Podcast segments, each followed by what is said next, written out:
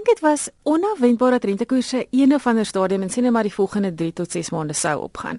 En die Reservebank het eintlik maar net gesê dis beter dan om dit eerder vroeër as later te doen. Deur dit vroeër te doen, hoop hulle hulle koop vir hulle self 'n bietjie ekstra geloofwaardigheid in terme van om te sê ons het bekommerd oor inflasie en daarom sit ons rentekoerse op.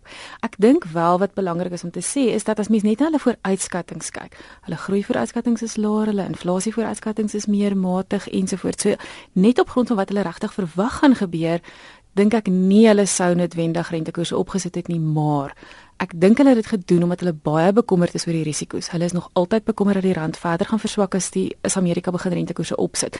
Hulle is bang dat die impak van die wisselkoersverswakking op inflasie groter gaan word. Dan is hulle bekommerd oor voedselinflasie en elektrisiteit ensovoorts. So ek dink dit is mens moet dit sien as hulle is baie bekommerd oor die risiko's en en probeer dan eerder 'n bietjie meer proaktief. So die positiewe en die negatiewe hiervan, wie sou byvoorbeeld voordeel trek uit so 'n verhoging?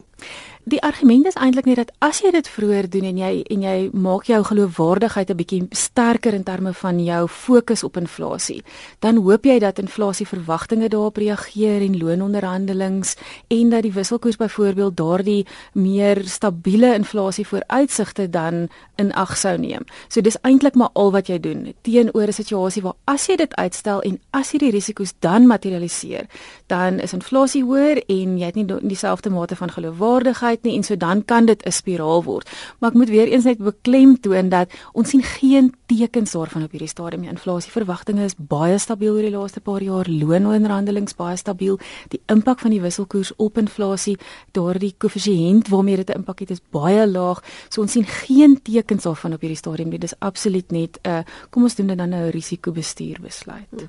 Wêreldmarkte se invloed op hierdie besluit?